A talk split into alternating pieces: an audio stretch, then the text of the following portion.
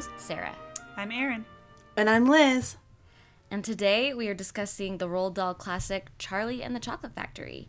And there are several Gilmore Girls references um, that we can discuss. Gilmore Girls references aplenty, although they're really probably more directly referencing the movie, but that's okay because, you know, that's just the way it goes. Um, except the first one, the first uh, reference we, we found was um, not necessarily to the movie. It's an episode. Uh, it, it's an, a season three episode called "Happy Birthday, Baby," and it's when Taylor is negotiating with his lawyer about how to treat his candy suppliers, and Luke makes a, a well pla- uh, a well placed Oompa Loompa joke. Um, but my personal favorite is in the season six episode, "The Perfect Dress," when Suki is helping Lorelai plan her wedding, and they're excited to try on some dresses. I'm going to play a little clip here. They stumble onto a little wedding dress shop. Look, look! What? Oh, jeez. Let's go in! Why?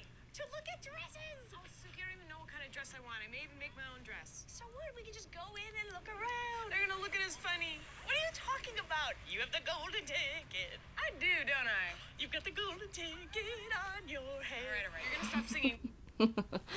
Um, so Lorelai's engagement ring is the golden ticket that can help him try on wedding dresses, which is you know pretty exciting, I'd imagine. uh, there's also a notable one that is less less fun. It's when Rory and Dean, after they first sleep together, and they decide their song is the Candy Man, which is actually uh, that song was written for the movie. So, but gross, bad decisions, Rory. We won't dwell on. Bad decisions for that song, too. Yeah. Yeah, seriously. oh, man. I mean, let alone Dean, but bad decisions. I know, just bad decisions all around. Anyway, before we dive into this world of pure imagination, uh, it feels especially appropriate to check in with what we're eating and see if Willy Wonka would approve. So, what's on the menu today, ladies? Erin? I didn't actually intend to do this, but now that I'm thinking about it, it works out super well because I'm eating chocolate pudding. And so, chocolate. Perfect. That's all, that's all I got. Chocolate. hey, at least it's chocolate. I don't. I think pudding might be a little boring for Willy Wonka to approve, but at least it's chocolate. So we'll we'll take that and run with it. what about you, Liz? Um, I'm having some Toll House pie from the Dodo. So that's got some good chocolate in there. I feel like this is at least our second Dodo reference of some of some pie we get there. Uh, so unofficial sponsors. Um, Yeah, for those who don't know, it's the Dodo is a restaurant, a local restaurant here in Salt Lake. yeah, it's good too. They have good Toll House pie, which is like eating like cookie dough in a pie, basically. it's so good.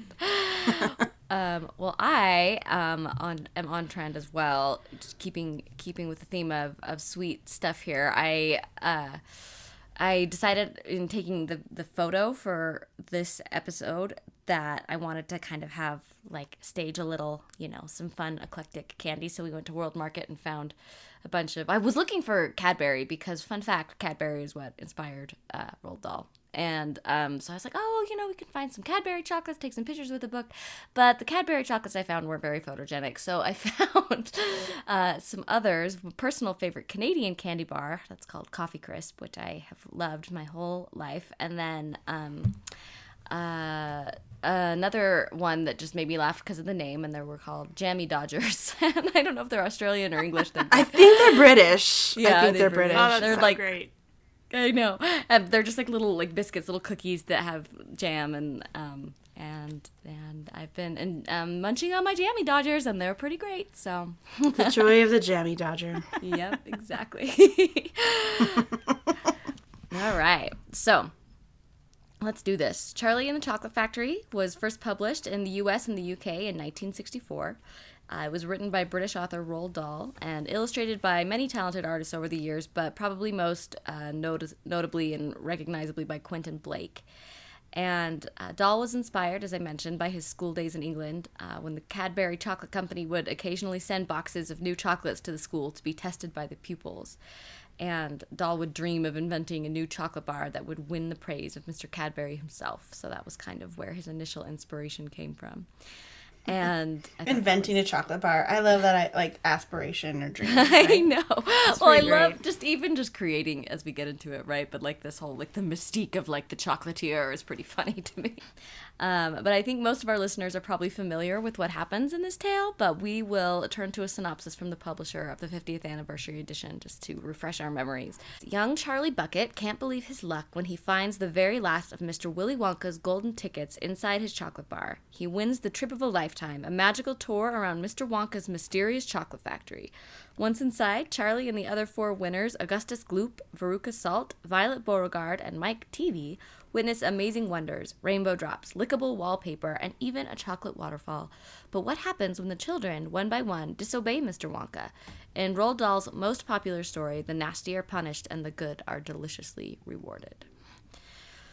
All right. So, Charlie is far and away Dahl's biggest bestseller, and it was generally well received when it was published, although there have been, um, I think there's kind of been a steady stream of detractors underneath all the adulation, and, and we can get to that eventually. But for the most part, this book is beloved. J.K. Rowling included it on her list of 10 books every child should read, which isn't a shocker, I think, because there's, as I was reading it, um, which I hadn't read it since I was a kid, there's so much Roald Dahl reflected in her in her work. Like, I just kept thinking of the Weasley's Wizard Wheezes as I read this and all, all Like all the candies she made up on the train. Exactly. Yeah. Yep. So, um, and a 2012 survey by the University of Worcester determined that it was one of the most common books that UK adults had read as children, after Alice's Adventures in Wonderland, The Lion, the Witch, and the Wardrobe, and The Wind in the Willows. So it's pretty uh, formative for a lot of people, I think. I will say though, I took a British children's lit class on my study abroad in England, and we did not read any Dahl. Isn't that weird? Wow, is that's very weird. strange. I know. I'm not, now. I'm thinking that's a massive, like oversight. Oversight. yeah. Really, it must be the professor just didn't like it. But we read we read Allison, Alice's Adventures in Wonderland. We read Lion Witch in the Wardrobe, Wind in the Willows, Beatrix Potter. Like we read a ton of stuff. We did not read Read any Roald Dahl. any Roald Dahl. so, fun fact. Very Continue. interesting. Conti- well, let us continue with talking about what we thought of the book. Um, just, you know, dive into it like we always do. Erin, what did you think? Well, I thought it was delightful. It was fun to read. It was uh, so I had actually never read the book. I had only seen the Gene Wilder version of the movie, and um, and I remember as a kid thinking it was weird, but also liking it, and um, so it was fun to actually read the story and see how some parts of it differed and some parts of it were the same. So um, I mean, as we, I find as I go through these children's stories, I end up comparing them all to Babe because I really loved Babe. And I, don't know, know if I I, loved that this one as much as Babe, but I would still probably give it like a 4.5. Wow, that's high. All right. I like it. Liz, what about you? Um, I liked parts of it a lot. I, I did. But there are other parts where I was like, this is, I don't know. I mean, I read it when I was younger, and uh, the movie I liked. I mean, I love, I love Matilda. I love lots of Dahl's books. I don't think I loved this one as much as I loved others. And maybe I was like a little disappointed in it, maybe when I read it this time as an adult. I don't know. Anyway, there were parts I really loved, so I have to give it that. But um, I would give it a 3.5. 3.5. Okay. Well, that's quite a discrepancy, Liz, between you and I. I know. Well, what do we do? Like, should we like usually fight it out? And, and like, collectively, we're closer in our. We'll see what Sarah says if she. Okay. Ooh, it all comes down to me. Well, I'm actually gonna tilt a little more towards Liz's end of the spectrum. I did like it. There's a there's a, it's hard not to be charmed by just how he writes, right? Um, and I like that there's kind of like it's a little dark and it's a little unsettling, and I think that that kind of um what's the word. I don't know. Like in a children's book i, I that kind of creates like a fun dynamic. But there are elements of it that i don't think have aged particularly well. And on myself being like man he just comes down really hard on people who chew gum? Like i don't know. You didn't like him judging you for your gum choices? like how dare violet like to chew gum? I, know. mean, I'm like, girl maybe I like TV too much. coming to her I- anyway so i found myself having a hard time of just like totally letting go and you know what do they say the willing suspension of disbelief and just going with it because i've been like really? Like, is chewing gum that bad? I don't understand. So, Oh, I had no um, problem with that. I really? yeah, I I had no problem totally buying into it, and and and just allowing myself to completely, you know, jump into that willing suspension of disbelief. I think just because I was so impressed that like a lot of children's books feel very juvenile in their writing, you know, like there's just not a lot of substance there and they're very it's done on a very very basic level. And so certain but certain books and I think the ones that tend to endure are ones that have a little bit more depth to them where the author's able to convey stuff that you can, you know, where you can find meaning across any age of your you know any age range right? And i think i think Babe was able to do that. And i think this one was able to do that right? Like the, like to the world building was very interesting to create this whole world of chocolate um, and this whole fascination and mystique around the factory and then to bring it and have such an imaginative kind of person. I just think it was really um, and, and to have that sort of like darker element with it too, and to, you know the plight of Charlie's family, and Yeah. I- you know I don't know, right? Like I just I thought he packed a lot of stuff into a relatively short book, and in a way that young children and adults could relate to it. Yeah. I I agree on the world building element. He's so good at that, right? And just this this creation of Willy Wonka and this chocolate factory are obviously indelible, right? It's a big part of just kind of our cultural osmosis now, I think, and I think uh, in a similarly kind of Harry Potterish way, right? I think that's also one of her great skills is world building. So, I um I definitely came away with a lot of uh a lot of admiration for for that and you know he's clever and he is there there is more depth to it i 100% agree with you but there's just some of it that just didn't totally sit right with me and um that i just didn't didn't love I think for me, I really was struck by, I guess maybe I held it so high in my imagination, this factory, right? And this time as I read it, I felt like it let me down a little bit, right? Like it didn't seem as, I don't know, magical as I seem to remember as a kid. So maybe that's more of a reflection of me being more adult, I guess.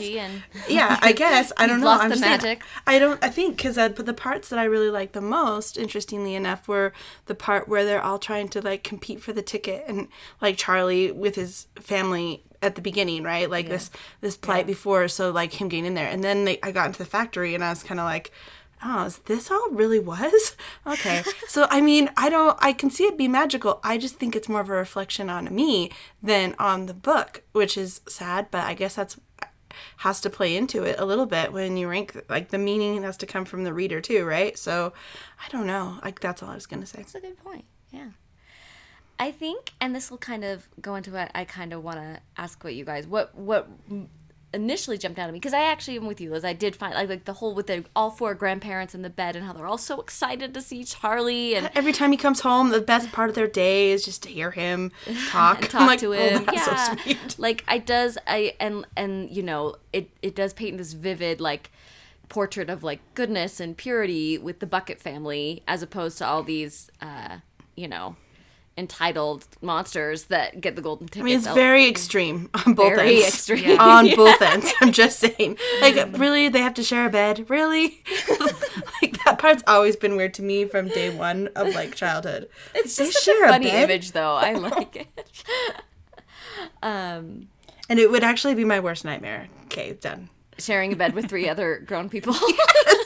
Not just grown people, but like very, very elderly people. They're in their 90s or something. Nightmare.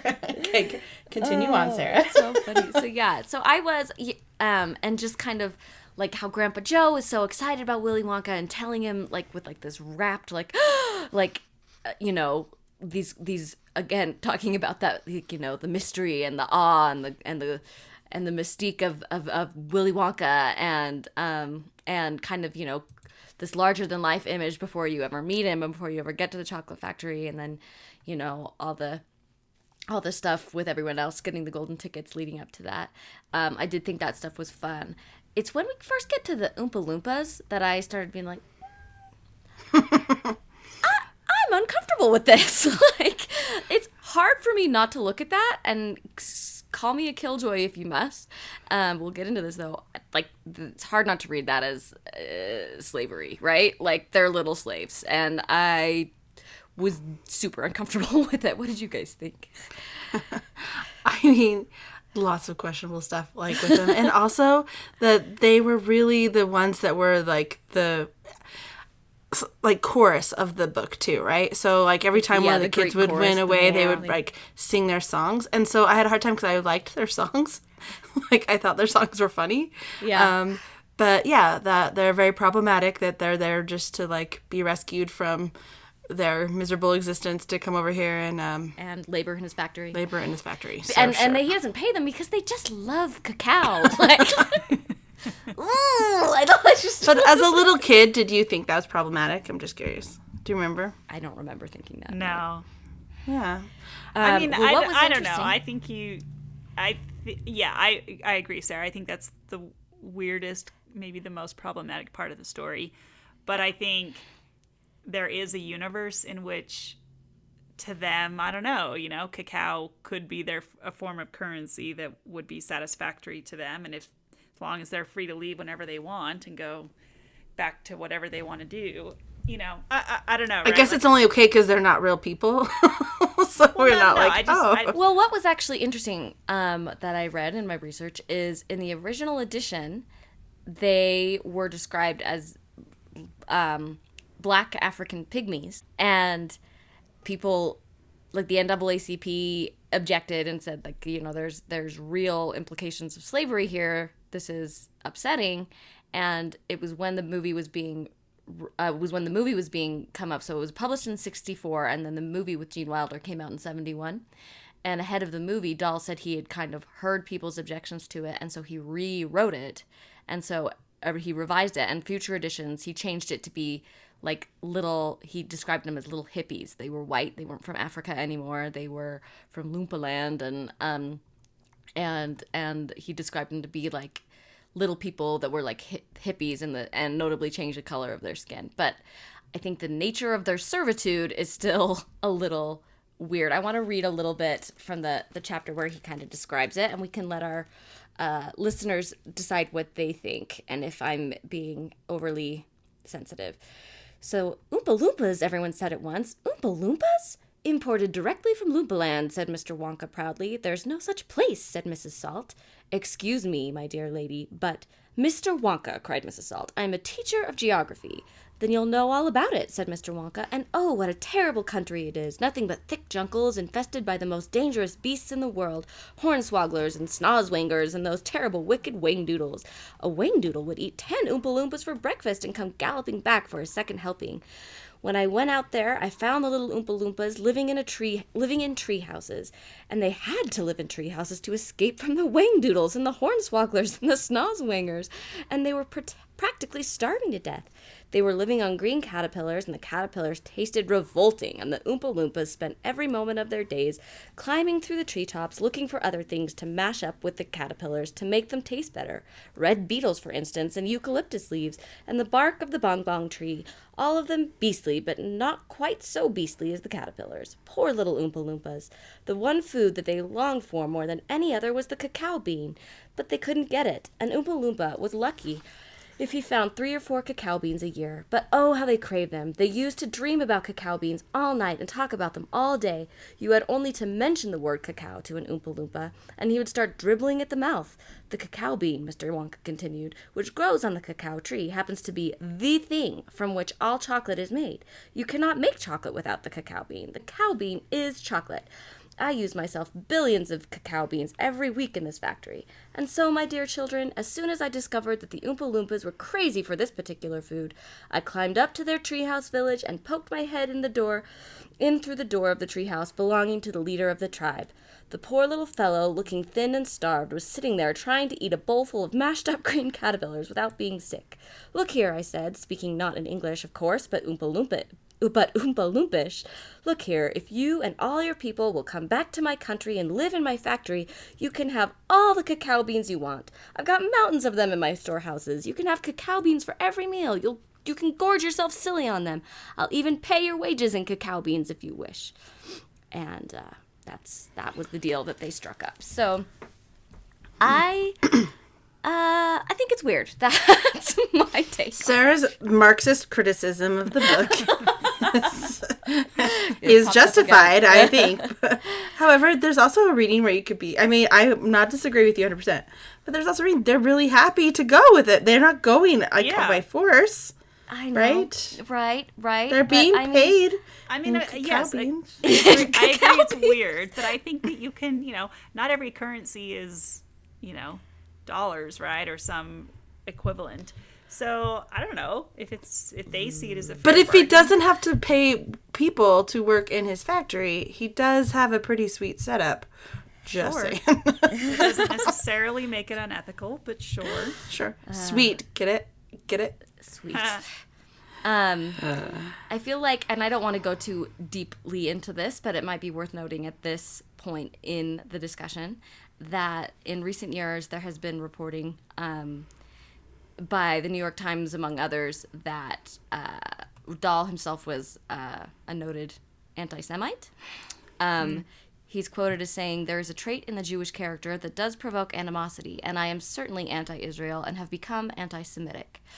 So, yikes.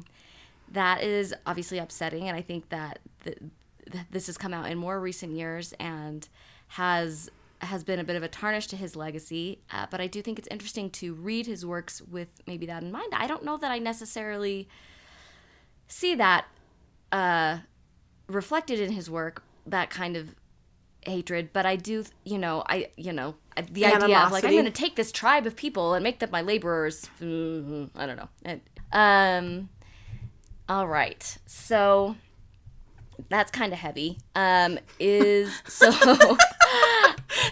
This book about but I also, but I also do think that it kind of uh, all kind of goes. There's just this darkness underneath all of this, which is so interesting because it's so sweet and like it's this literal confection, right? But there's just kind of this like, um, it does have an interesting contrast that makes it, I think, memorable and different. Like as Erin was saying, it separates it from other children's books, right? Like there's a contrast that will, like, adults will understand and appreciate.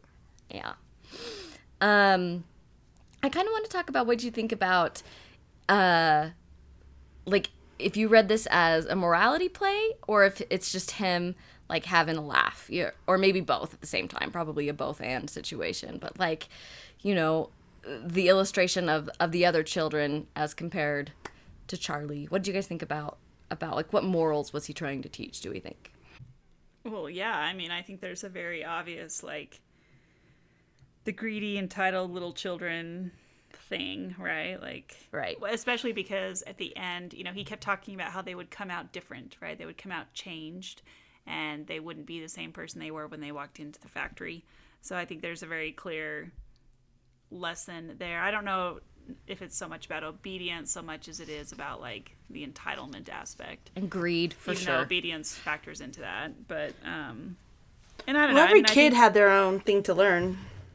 Yeah, uh, yeah, I think that's true, and I think there's something interesting to be said about where creativity. You know, it's clear that Willy Wonka um, really favored and sought out creativity, and you know he was kind of looking for someone who could carry on his legacy and so i think there's kind of an interesting thing you can explore there about how you know like does your entitlement kill your creativity right like maybe the fact that charlie didn't have a lot put him in a position where he could better imagine you know all the time he spent walking by the factory and smelling the air and thinking about what went on inside the factory positioned him better to continue on with this sort of imaginative setup than someone like Veruca Salt. yeah Yeah, yeah. I like. I think it's also like an uh, indictment too. Uh, I mean, you look at Charlie's parents and you look at Grandpa Joe. It, the parents that have to get to go, that have to or get to go through the factory with him. He each of the Oompa song also just kind of chastises the parents too, right? Why are you letting your kid watch TV Why are you letting your kid chew gum? thousands of you?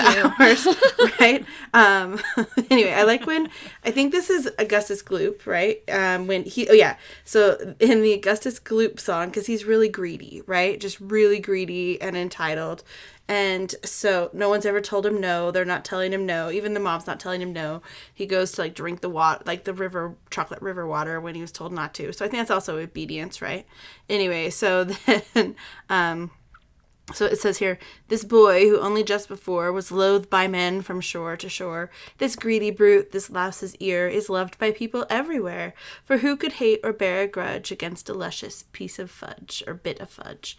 So it's like it's changing him into something that people will like again, because no one's gonna like a kid who is that um spoiled, really. But I mean, it's also just like okay, go with him, mom. You're partially to blame here, right? Because you have to tell your kid no once in a while, right? Yeah. So it's or even the Beauregarde, Violet Beauregarde, same thing, right? No, no one can tell her no. I just think it's um, also a, a problem with the parents too, because they're right there next to him defending their kid, and I. Um, I feel like I'm seeing like the teacher and you come out. what do you mean? The parents. It's all about the parents. no, no, I don't think it's just. no, but it's- just kind of like I can see like in a situation where, I mean, I've heard you talk about this before, right? Where you maybe you're having an issue with a kid that has maybe behavior issues or whatever, and the parent is quick to is overly defensive or quick to enable them eh, rather than try and guide and correct them. And Oh yeah, that's for sure. I see that. But here's the thing: I try not to be too critical. I'm not being critical. I'm not a parent, right? I don't know. That's really hard to do. But I think that Roald Dahl is being critical of parents of those kids too. It's not just the kids; it is the parents. But yeah, for sure. Well, they do. I love this. And well, I went to that one a bit where they're talking about how kids don't read anymore, right? So he's like, "Oh, they used to read," and then he like lists all these books. He talks about like Beatrix Potter. Beatrix Potter. He talks about um, the uh, Mr. Rat and Mr. Toad and Mr. Mole. So he's talking about Wind in the Willows, and so he's like referencing back to all these classic books the kids used to read, and. I love it because he wrote this in 1964, and I remember thinking to myself when I read this, like, "Oh man, like he would die today." like, oh, oh, oh. wow. well, I did think about that actually in the sense of like this. I mean, and I, I think that his point is not lost. Like, I think it, it's it's a good point that the story's making, but I also think it was kind of when TV was still a relatively new phenomenon, and people were kind of afraid of it, like people were a little bit afraid of it. Yeah, right, and maybe foresaw like that it was turning children's brains to mush more so than it maybe actually was. You know what I mean? And it makes me think of like how we greet, you know, new things for that we, you know, and it's something that he didn't have as a child. And I, I think as we look at even like the stuff that kids are into now that we don't understand, it made me think about that a little bit, you know, um, and that maybe some of the pearl clutching isn't totally warranted because I don't think you can say that television destroyed a whole generation of children. Maybe some other stuff, but Well, yeah, I was like, I actually kind of take issue. I really like TV. Back off, buddy. leave me Well, alone. that's why you would not get the factory, Liz. I wouldn't. You guys, I would not get that factory. There-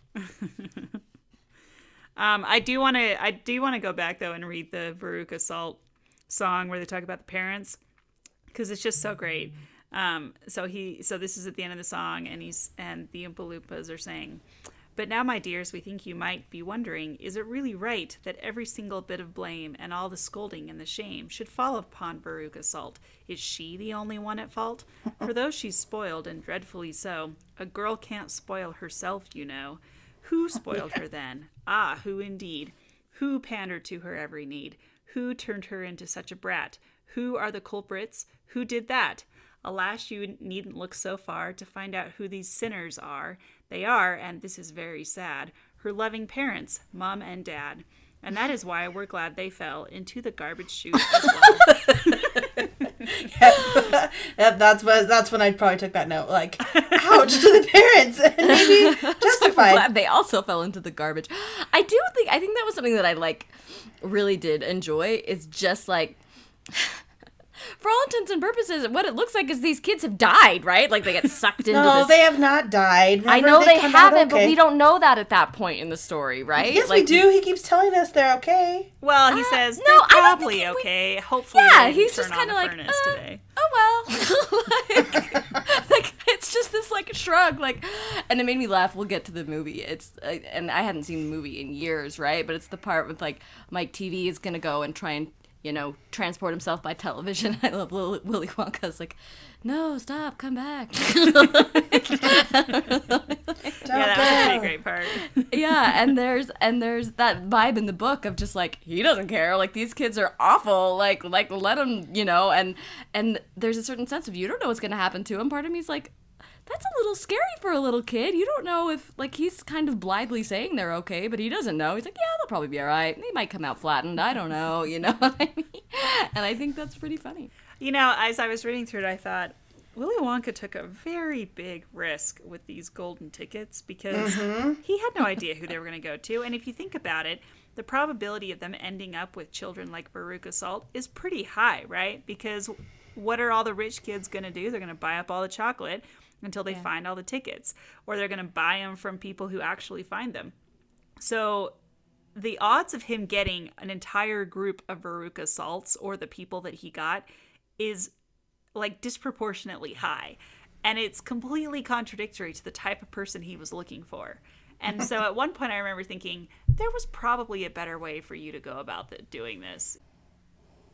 He clearly didn't have very good lawyers helping him with this Erin I can Well, also from and a i'm seeing your profession perspective, shine though- through in this comment I, I know, I know, right? Well, let's got the teacher bit. I'm getting, you know, Yeah, we all have we bring our like we bring our meaning into it. I'm not. We do. We do. But also from a business standpoint, and I think Grandpa Joe mentions this, although I can't remember if it was in a movie or not, but they talk about like the brilliance of the marketing behind this and that every person in the world is going to be buying Wonka chocolate because they want to find one of those tickets. It was brilliant marketing. Absolutely brilliant marketing. Yeah. Um, very true. So, I kind of want to talk. We've talked about this a little bit, but go into it more and kind of touch on some of the criticism that the book received uh, in its earlier years, as far as what it teaches children, who, by all accounts, love it. Did you? You never read it as a kid, Erin? You said, Right. Liz. What did you, Liz? When you read it as a kid, what did, did you like it? Were you kind of enthralled, or like in, to the same degree as the other Dahl books, or did it? What do you think? I mean, I not to the same. I loved I loved his other books better than this one. Like I loved James and the Giant Peach, and I loved Matilda. I love James and the Giant Peach. I Peach. think Remember when you Matilda read was me my James favorite. and the Giant Peach? yeah, I James mean, and I the Giant. Peach I thought was weird. It kind of scared me. Um, I I always just kind of like I don't think I was enthralled by this book, no, but I do think that I thought the factory was kind of cool. I, I remember thinking that because that's maybe why I was disappointed this time because I'm like, mm, really? That's it? That's what it was. So All right. anyway, so I don't know was- what, what your point. If you're looking to say, did do kids love it? I'm sure they do because who Yeah. doesn't love candy? That's like, it's like, hey, I'm gonna write a book about something all kids love, candy, right? it's hard not to like have your audience built in right there. Kids really do love candy. Can we just talk about that for a second? I teach, um, like in Sunday school, I teach a group of little kids, and like, kids just have like the dumbest, like Tootsie Roll, dum dum sucker piece of crap, and they will do anything for it. Like they'll just lose their minds. You And guys, not this little isn't kids. Even good. Seventh graders get a lot out of a good dum dum. You never know. Oh my well, gosh. shall we go back to the Tootsie Lady from our Yes. conversation? Oh, and- as yeah, she knew what she was doing. She did. Those thousand year old Tootsie Rolls still got us to do what we needed to do. Weird. It's true. Um, I wanted to read a quote. This is from Ursula K. Le Guin, who is a noted author, but she also. Uh, so there was kind of a an exchange in literary criticism circles back in the early '70s, and um, and I want to say it's Eleanor Cameron uh, wrote a critique of this book, and uh, that was pretty well circulated. And Le Guin wrote a response to it, and she says, I want to read it and see what you guys think. She, in 1973, wrote that Mr. Dahl's books have a very powerful effect on children is evident. Kids between 8 and 11 seem to be truly fascinated by them. One of mine used to finish Charlie and then start it right over from the beginning. She was subject to these fits for about two months at age 11. She was like one possessed while reading it, and for a while after reading, she was, for a usually amiable child, quite nasty. Apparently, the books, with their wish fulfillment, their slam bang action, and their ethical crassness, provide a genuine escape experience, a tiny psychological fugue, very like that provided by comic books. Perhaps we all need an escape vent now and then, whether it's Charlie, whiskey, Goldfinger, or righteous indignation. Anyhow, kids are very tough. What they find for themselves, they should be able to read for themselves. But I boggle at the thought of an adult parent, librarian, or teacher actually sitting down to read such a book to children. What on earth for? To teach them to be good, quote, consumers? The idea of education is a leading forth, isn't it? Not a stuffing with endless candy on the model of Mr. Dahl's factory. Uh, yeah. Okay. So. Like, why would parents read this to their kid? Yeah, like what does it teach? Which I think is a little short sighted. We talked about it, is teaching them that you know you shouldn't be greedy, you shouldn't be spoiled, you should be you know kind and obedient and um and humble, so to speak, right? But uh, like I'm I'm curious, what else do we think? Do we think that it is conveying maybe messages that aren't so good? In in addition to that, she certainly thought so. I mean, I think you could say that about anything that's sort of like a non-religious text in a sense, right? Like you could kind of make that argument about a lot of things. Like even if you take something like like if we go back to the Harry Potter stuff, when that first came out, there were a number of parents who were all up in arms about Harry Potter because they were worried it was going to teach their children about witchcraft and that it was going to bring this very like kind of satanic vibe into their children's lives. And did it do that? You know, I don't know. I think you could make a pretty good argument that Harry Potter, yeah, uh, and that, you know, like what's the value of Harry Potter, right? Like what morals is Harry Potter teaching its students other than, you know, this idea of magic? And, but I don't know. I think, I think you would also be hard pressed to say that Harry Potter added no value to the lives of the people who read it. So I- I think there's a little bit of a fine line there. Like, sure, you want to be selective about what you read and you don't want to be reading things that are not going to add to your life, but there are many different ways that something can add to your life. Well, I think every piece of literature has a theme, right?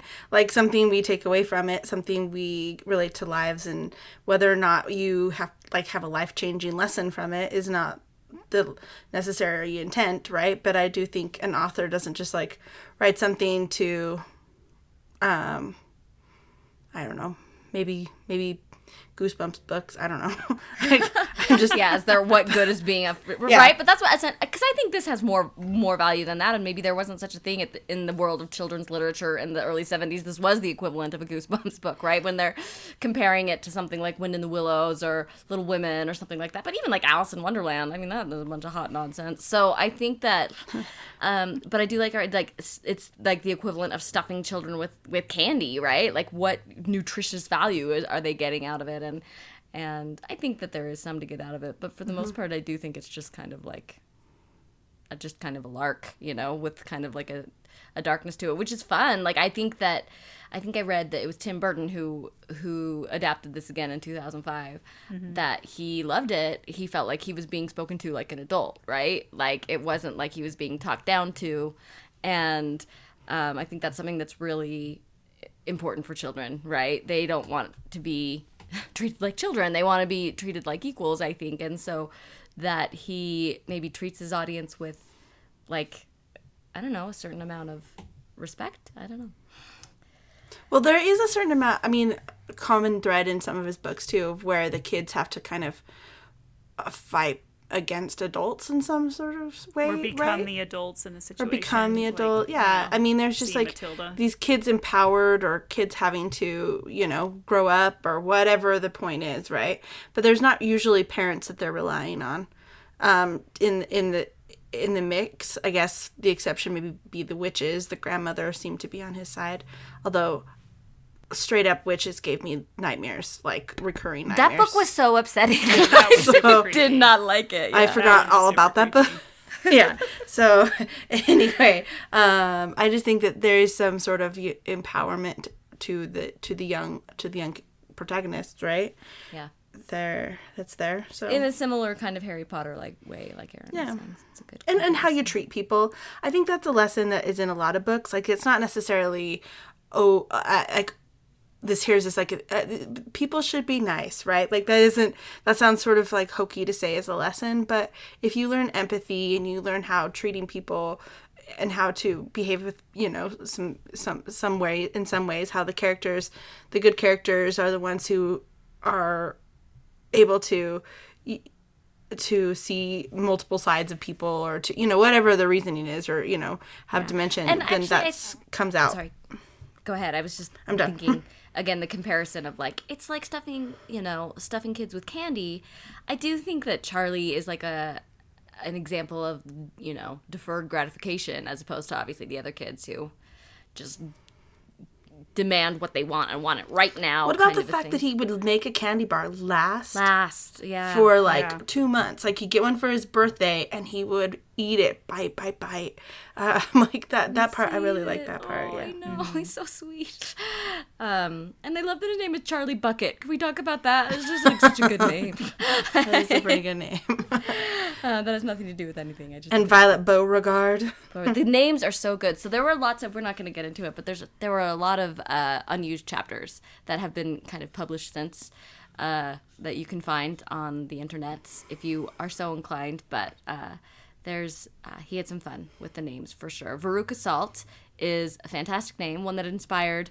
A band. Uh, a band, yeah. We'll I will touch on that in the pop culture section as we get into it, um, which just seems like a good segue. um, but yes, there is a, a well-known uh, American alternative band called Veruca Salt because that's just a great name, so you got to run with it, right? Um, but as we're talking pop culture, I think the the biggest, most obvious elephant in the room is the 1971 movie adaptation that was called Willy Wonka and the Chocolate Factory, not Charlie and the Chocolate Factory, and stars Gene Wilder. And gave us a million gifts for me as I was thinking about this movie, and I did rewatch it for this for this podcast, and I did enjoy it. Um, I, I think it's quite quirky and clever and and funny. Um, and imaginative for sure. And I, you know, they turn it into a musical. Again, the Oompa Loompas are weird, but what can you do? They definitely are indelible. You, Liz is like, "Are you gonna play the Oompa Loompa song?" I was like, "No, no one needs that in their in their Everyone- head." I like Veruca Salt's song when she's with in the room with the golden geese. that is a good song.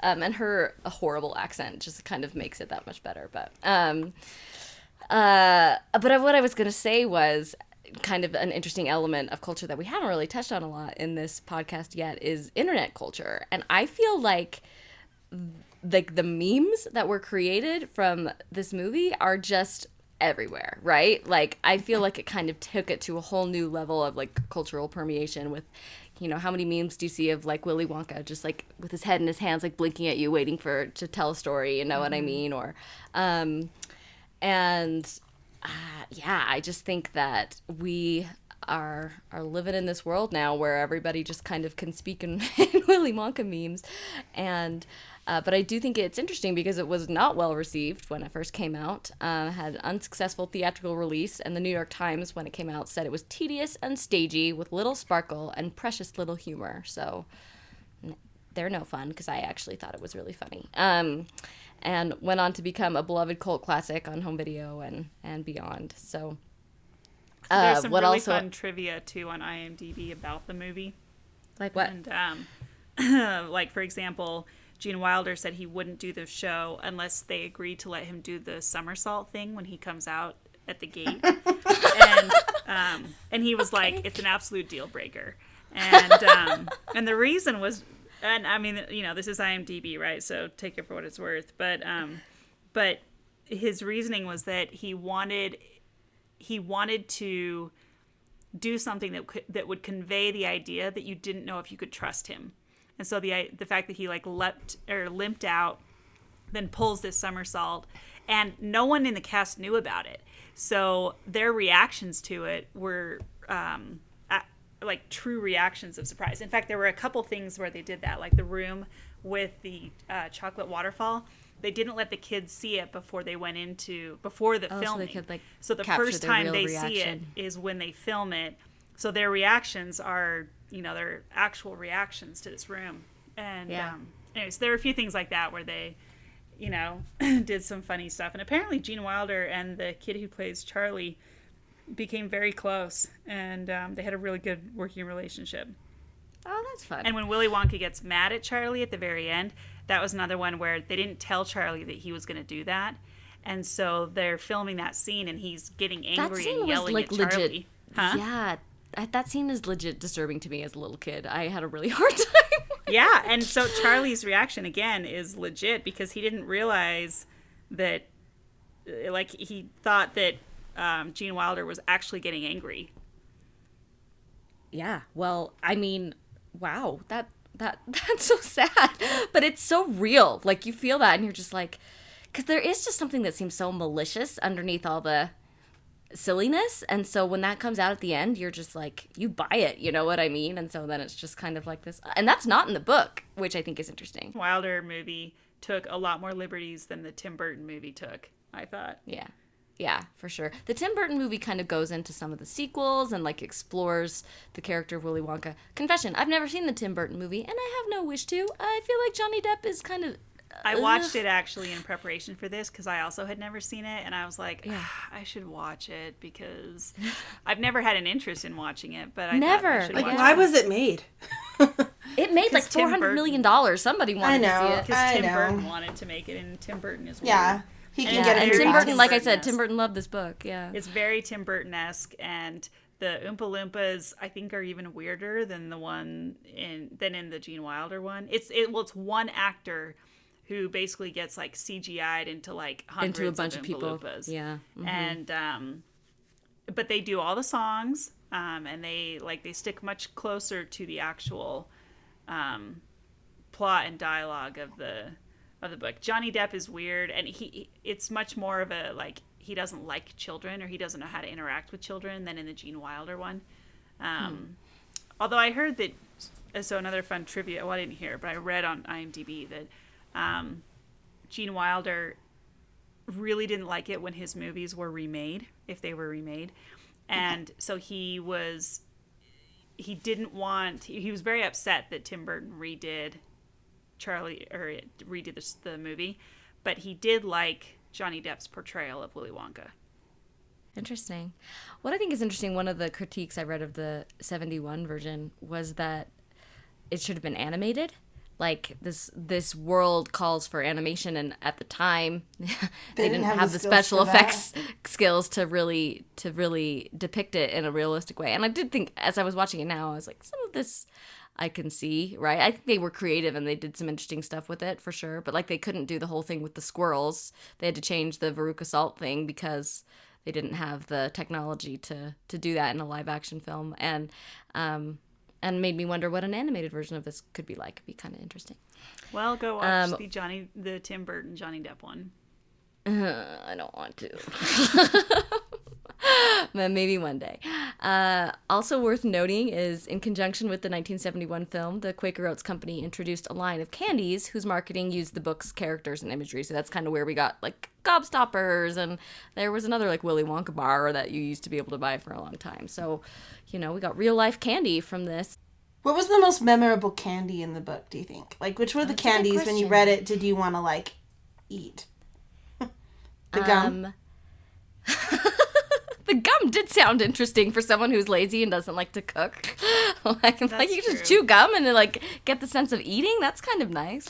Although I felt like Um, that took a lot of the pleasure out of eating, so I didn't really like that idea very much. No, I know it's true, but I did. I was. I that kind of sparked my imagination. Like, wonder what that must feel like if you're getting like the sensation of like what it feels like to eat, or if it's just the flavor. Because that would be gross. Who wants roast beef flavored gum? But like if it's like, you know, a magical. it can like nourish you.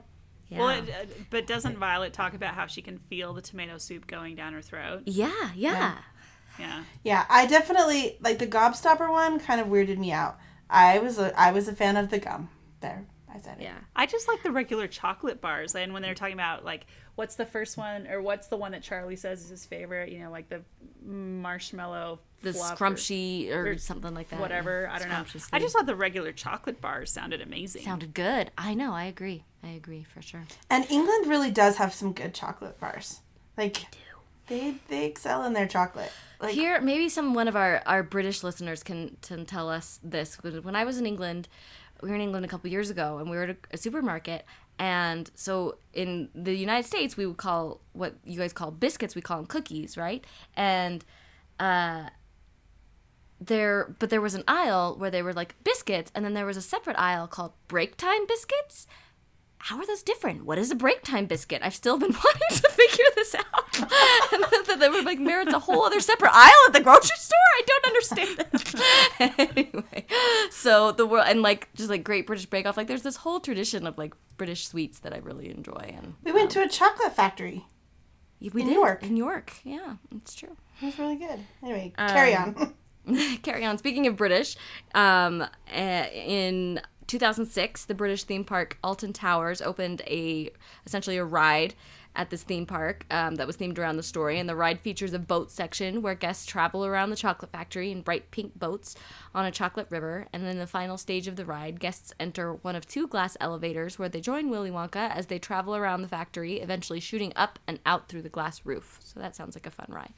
So musicals and plays and even an opera that was commissioned by Dahl's widow exist of this story. It's it's quite quite prolific. There was a 2013 musical, I think this is probably the most notable, um, that premiered on London's West End with music and lyrics by Marc Shaiman and Scott Wittman, um, and they did Hairspray among others.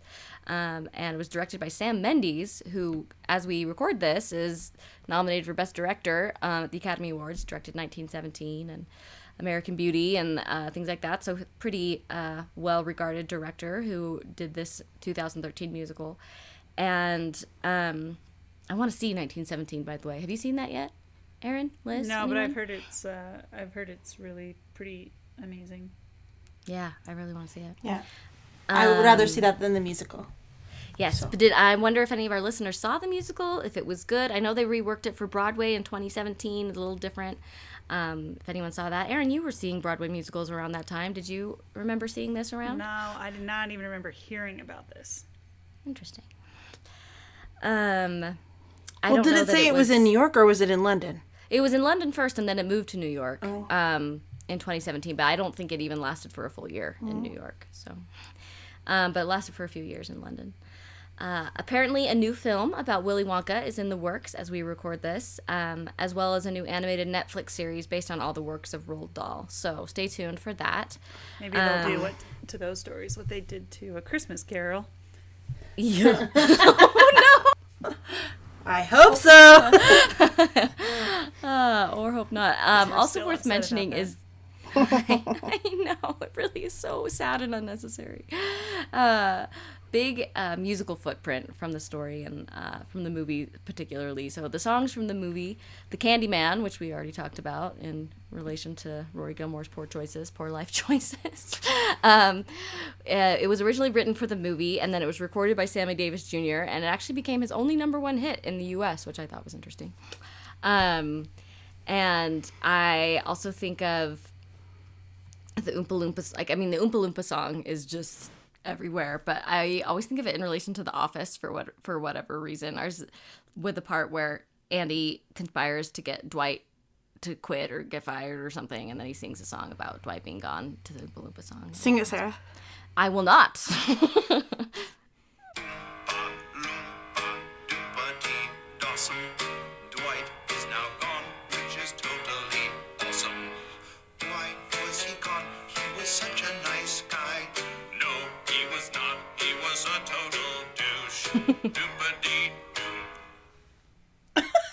yep, there we go.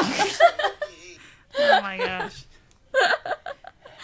Um, there's also another uh, Willy Wonka reference to The Office. Um, the season five episode of The Office called "The Golden Ticket," where Michael comes up with a Willy Wonka like marketing stunt uh, with the golden ticket, and hijinks ensue. So, uh, all right. So I'm sure there's a lot that we've left out because again, this does have a big cultural footprint. So if you can think of any other references that we missed, definitely let us know. Um, but on to our favorite segment, what we were inspired to do now that we have finished Charlie and the Chocolate Factory. Let's start with you, Erin. What were you inspired to do? Yeah, so I was inspired to find the closest thing I could to whatever this like chocolate marshmallow bar is that Charlie was mentioning because I swear like the more I read it, the more I was like, oh my gosh, that sounds so good. And all I wanted was to eat that chocolate bar. And of course, now, like, I can't remember the exact name of the bar, which just tells you how likely it is that I'm actually going to fulfill this. But, um, but that's what I wanted to do was to find something that closely resembled that kind of chocolate bar. I love chocolate marshmallow stuff. I have a weakness for that for sure. So I hear that. Liz, what about you? Um, I was inspired by Charlie himself. Um, he did not give up hope when he was looking for that golden ticket, right? Like he wanted one and he it was like his wish and his dream and he found one and so I guess, you know, have hope. My golden ticket is out there, whatever that is, figuratively. Oh, that's inspiring to all of us. Thank you.